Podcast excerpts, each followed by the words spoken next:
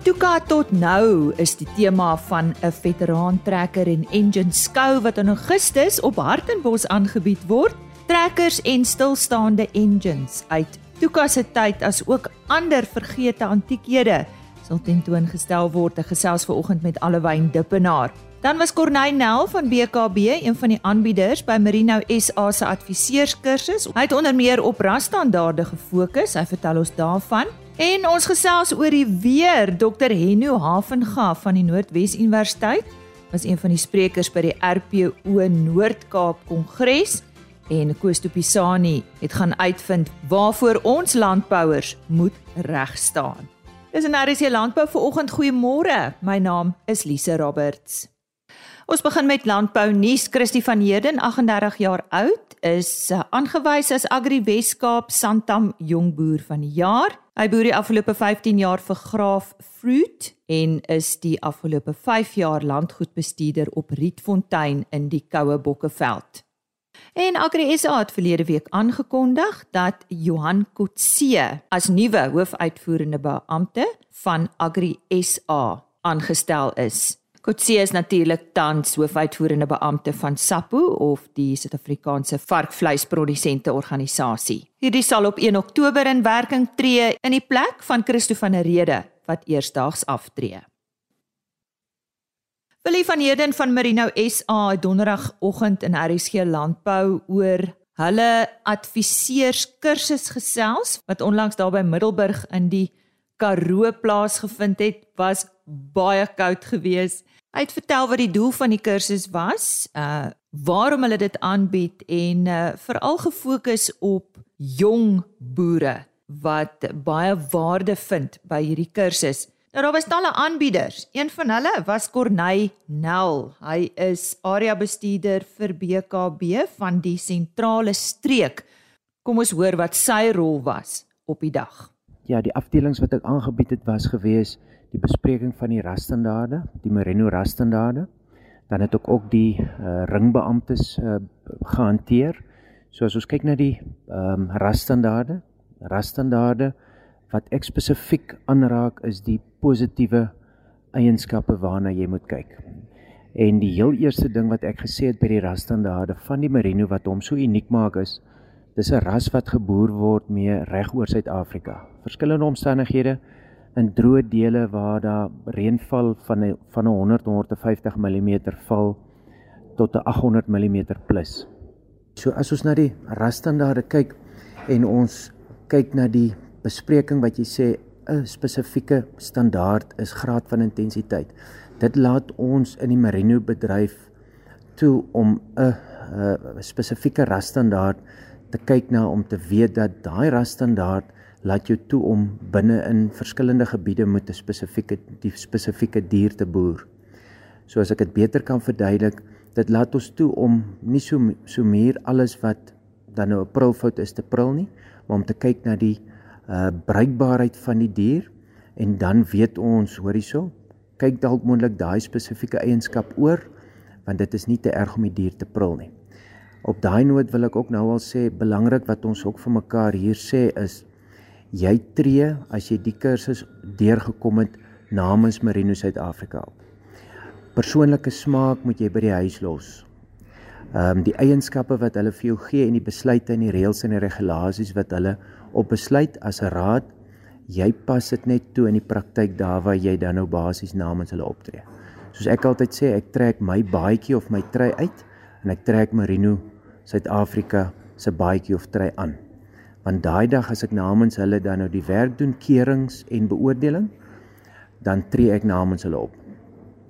So ons het baie hier met mekaar gedeel en dan nog iets wat ek graag wil sê is waar ons by uitkom is as jy met 'n mede mede beoordelaar of keerder werk jy respekteer altyd daai persoon se siening ook. Hy luister vir jou en jy luister vir hom en jy's nooit te oud om te leer nie.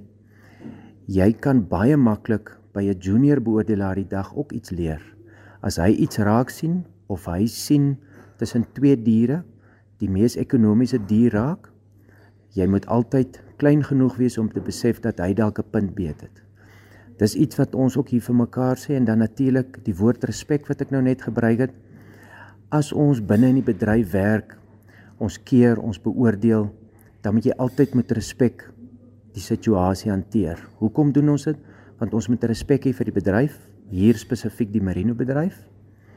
Ehm um, jy trek aan die dag laat jy daardeur iets kleins wys jy respek. En dit wil ek ook vir die boere wat die kursus vandag en die week kom loop het, wil ek ook gesê dat hulle wat self ook met die diere na 'n skou toe gaan wat ramme gaan koop, weet moenie jou oudste en jou slordigste klere aantrek nie. Ons moet tog almal wys ons het ons het respek vir die diere maar waarmee ons werk. As jy respek het natuurlik vir die diere waarmee jy werk, dan weet jy jy gaan na hulle kyk en hulle gaan na jou kyk. Ja, dit is basies in kort 'n verband met die rasstandaarde en dan by die ringbeamptes wat ek in kort bespreek het, spesifiek gaan kyk na die belangrike situasie wat baie keer by 'n skou ontstaan waar daar 'n dispuut is.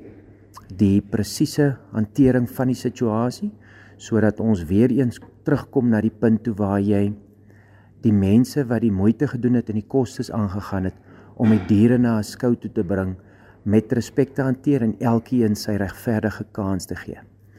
Of jy by so 'n skou, maak nie saak of dit jou eie diere is en of dit jou kliënt se diere is of dit jou vriend of jou koper se diere is nie, daai dier het nie 'n sê in die ding nie. Jy moet altyd seker maak dat die beste dier wen. Ehm um, en ek sê ook altyd en dis wat ek hier vir die kursusganger ook baie mooi vertel het as jy vanaand jou kop op die kussing sit, moet jy kan lekker slaap en jy moet weet jy het die beste skaap en die beste diere laat wen. So ja, ek dink dit is in kort wat uh, wat ons hierdie week wat ek hierdie week uh, met die kursusganger bes, be, bespreek het.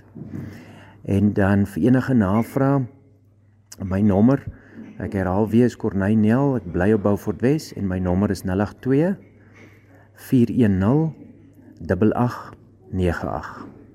Corneil Nel, hy's area bestuurder vir BKB Sentraal Streek wat een van die aanbieders was by Merino SA se adviseurskursus. Veteran trekker entoesiaste kan uitsien na 'n opwindende geleentheid vanaf 4 tot 5 Augustus in Hartenbos. Nou die Suid-Kaap Veteran Trekker Klub is uh, die trotse gasheere van die Wes-Kaapse Veteran Trekker en Engine Klub skou. Nou die tema van die skou is Tuka tot nou nogal heel gepas en word by Hart and Bosch Village gehou. Ek gesels met Allewyn Dippenaar hieroor. Allewyn, baie dankie vir jou tyd. Vertel ons kortliks nou eers van die Suid-Kaap Veteran Trekker Klub. Ek neem aan jy is lid. Die geskiedenis Lize Moore, ja, die geskiedenis rondom trekkers en stilstaande engines is 'n wonderlike geskiedenis wat so ver teruggaan as 31 jaar gelede uh toe die Weskaap skou uh tot stand gekom het. En uh as 'n mens ook kyk bietjie na die geskiedenis, dan is die Weskaap Veteran Trekker en Engine Klub skou is dan ook lid van die Suid-Afrikaanse Federasie van veteran trekkers en engine clubs. En dit is in 2000 wat die Suid-Kaap Veteran Trekker en Engine Club dan gestig is.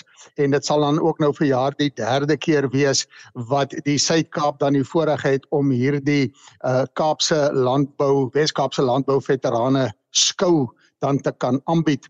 Gewoonlik wat gebeur is dat elke tweede jaar dan vind hierdie Wes-Kaapse landbouveterane skou by Verliersdorp plaas, maar dan die tussenin jare, as ek sê in die 31 jaar wat dit nou al plaasvind het en net die 2 jaar tydens Covid nie plaasgevind nie, het dan nou vir jaar die voorreg om te kan plaasvind in die Hartenbos omgewing. Uh, hoeveel lede het julle uh, alwyn?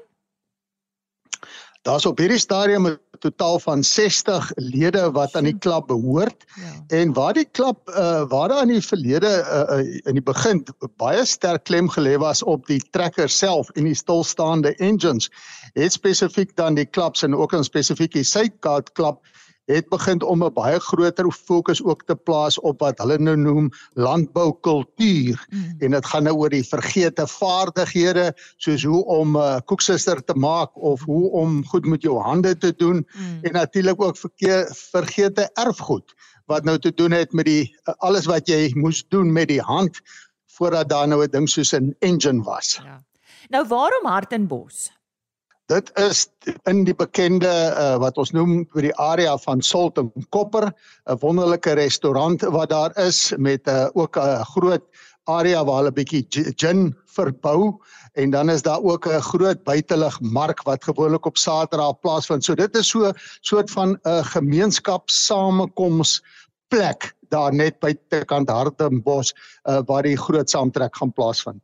Soos ek vroeër gesê het Alwyn, julle tema is Tuka tot nou wat natuurlik baie gepas is. So vertel vir ons van die modelle wat daar gaan wees net so lusmakertjie. Ja, die fokus is op drie goed, dis op die trekkers, dis op die stilstaande engines en dan die sogenaamde vergete of die klein erfgoed. En die wonder natuurlik van hierdie uh samekoms is dat die trekkers wat ons gaan sien is vanaf die jare 20 uh tot vandag. So wat ons daar gaan sien is onder andere 'n Massey Harris uh van 1938 en natuurlik nou jou beroemde Faljapie van Ferguson wat in 46 en dan weet ons later jare het Massey Harris en uh, Faljapie en die Ferguson het saamgesmelt hier in die 50s en dis waar die Massey Fergusons vandaan kom. Maar dan het ons ook die Fortson, die 1923 model wat nog die eysterwiel voor het, uh, wat nou 100 jaar oud is en hy was die voorloper vir natuurlik die bekende Ford wat deesdae bekend staan as die New Holland reeks.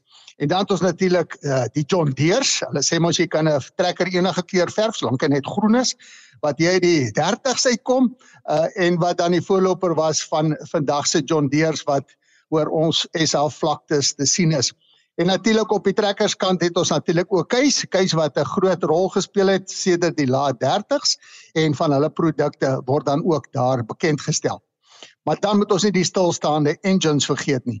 Daar's verskeidenheid van engines wat gebruik was voordat elektriese motors en aandrywing natuurlik beskikbaar was en hierdie engines wat gedemonstreer word daar het, het waterpompe gedryf, meulens, uh, voerkewers om krag op te werk by die melkstalle, selfs vir skole wat op die plase was.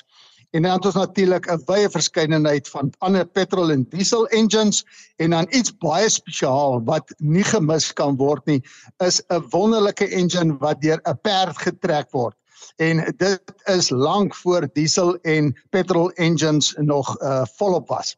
Ons laaste kategorie is natuurlik die vergete erfgoed of die klein erfgoed en daar is daar 'n wonderlike uitstalling van gebruiksartikels wat op plase en selfs in dorpe gebruik was uh voordat ons wat alles handgedrewe huishouding was. Daar's ook 'n wonderlike skaal iets wat regtig besonder is uh wat terugdateer na die 17de eeu toe, 'n armskaal. Daar's handgedrewe kerwers, meulens, miliehand dorsmasjiene, ploegies, planters en alles wat deur die hand aangedryf was en ons moet ook nie vergeet van die boereoorlog se uitstalling van verskillende toerusting wat gebruik word.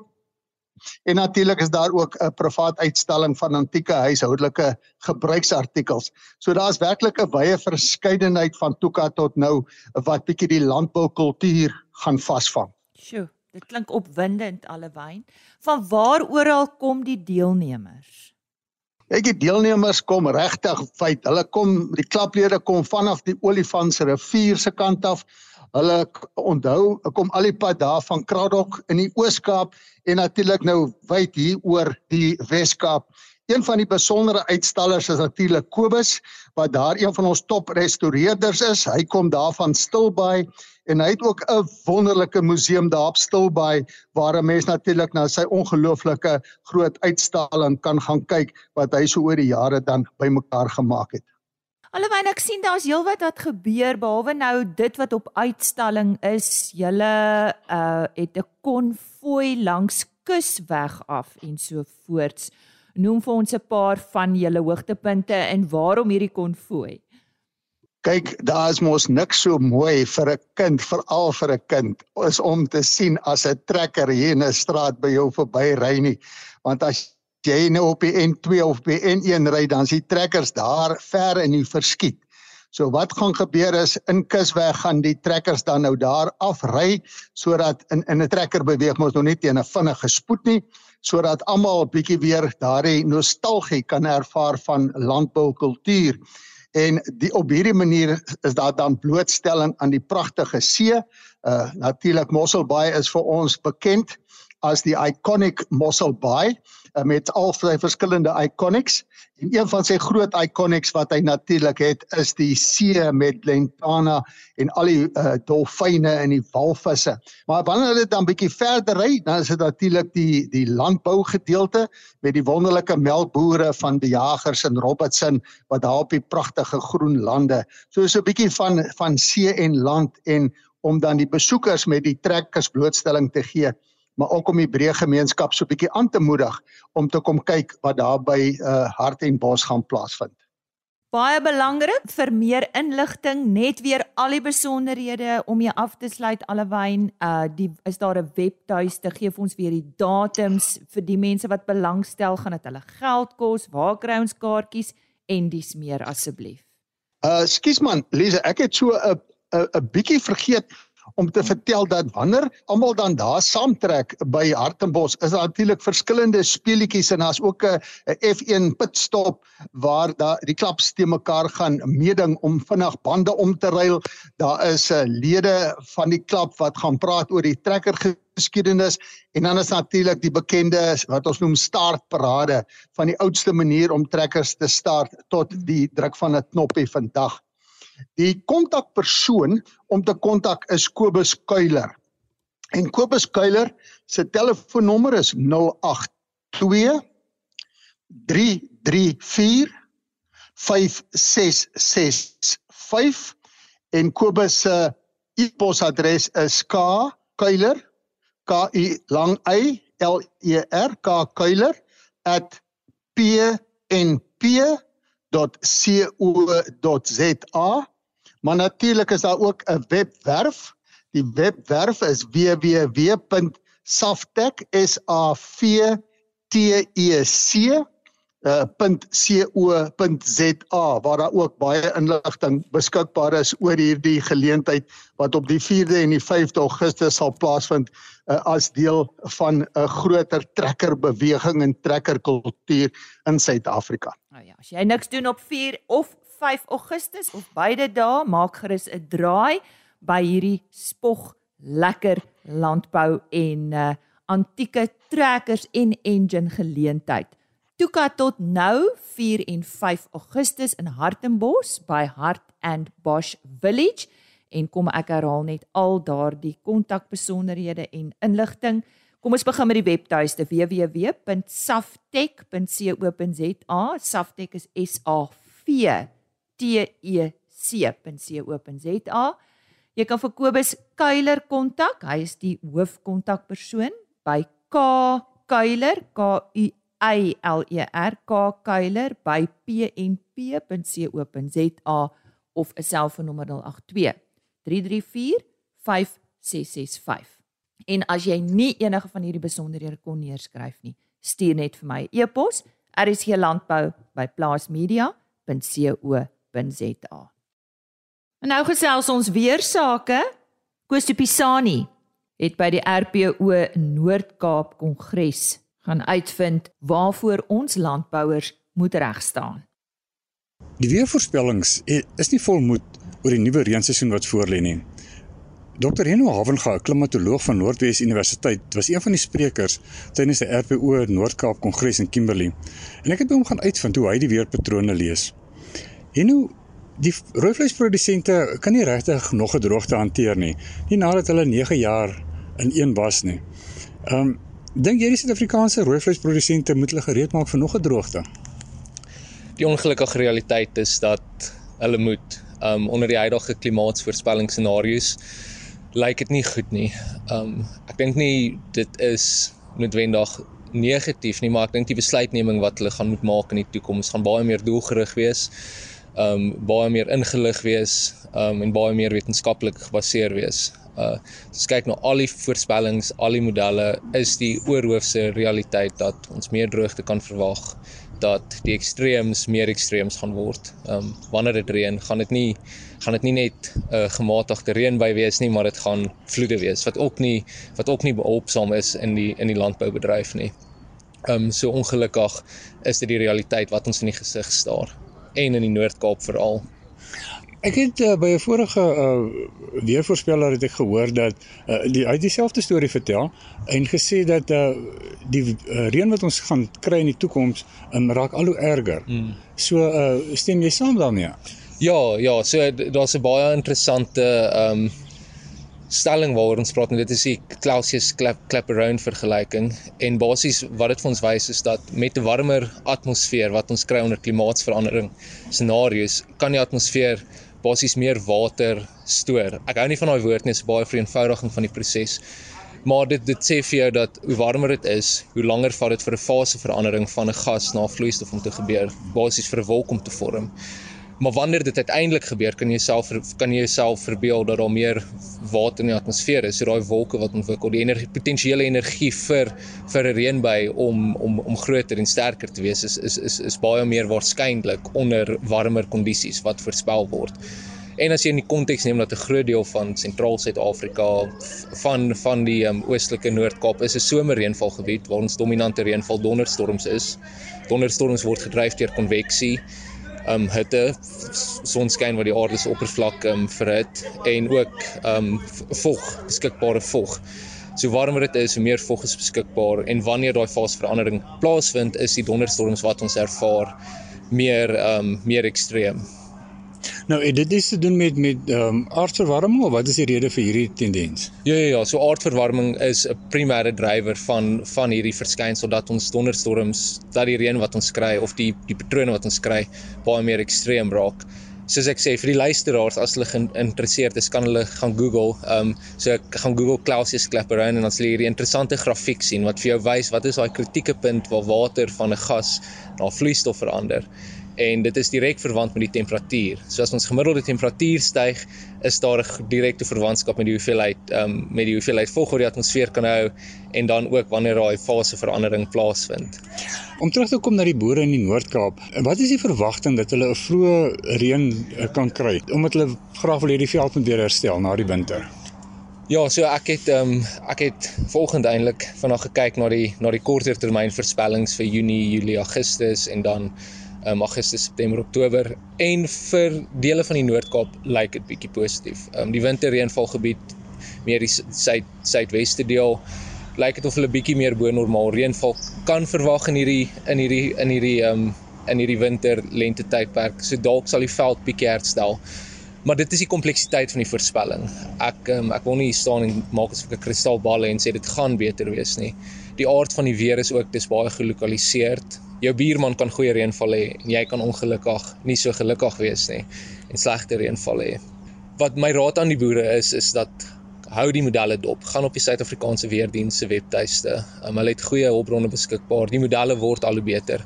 Maar hoe langer ons in die toekoms probeer voorspel, hoe groter raak die kompleksiteit. So as as jy as boer, as besluitnemer gereeld die nuutste modelle kyk, sal jy beter ingeligte besluite kan maak soos tyd aanstap, soos ons nader aan die lente kom. Dis dit is vir hierdie jaar maar in die langtermyn lyk dit of die tendense na droogte meer gaan word. So dit dit beteken nie dat dit dat dit altyd droog gaan wees nie. Jy gaan jy gaan nog steeds wisselvalligheid kry. Dit is maar net die weer. Maar die oorhoofse tendens is dat dat dat die kondisies bietjie meer neig na droogte toestande binne die volgende seisoen, jaar, dekades. En nou jy praat van modelle wat hulle moet dophou. As as die boere wil raad hê, eh, kan hulle na jou toe kom en waar kan hulle jou kontak? Ja, enige tyd. So hulle kan my kontak op my um, universiteit se e-posadres. Dit is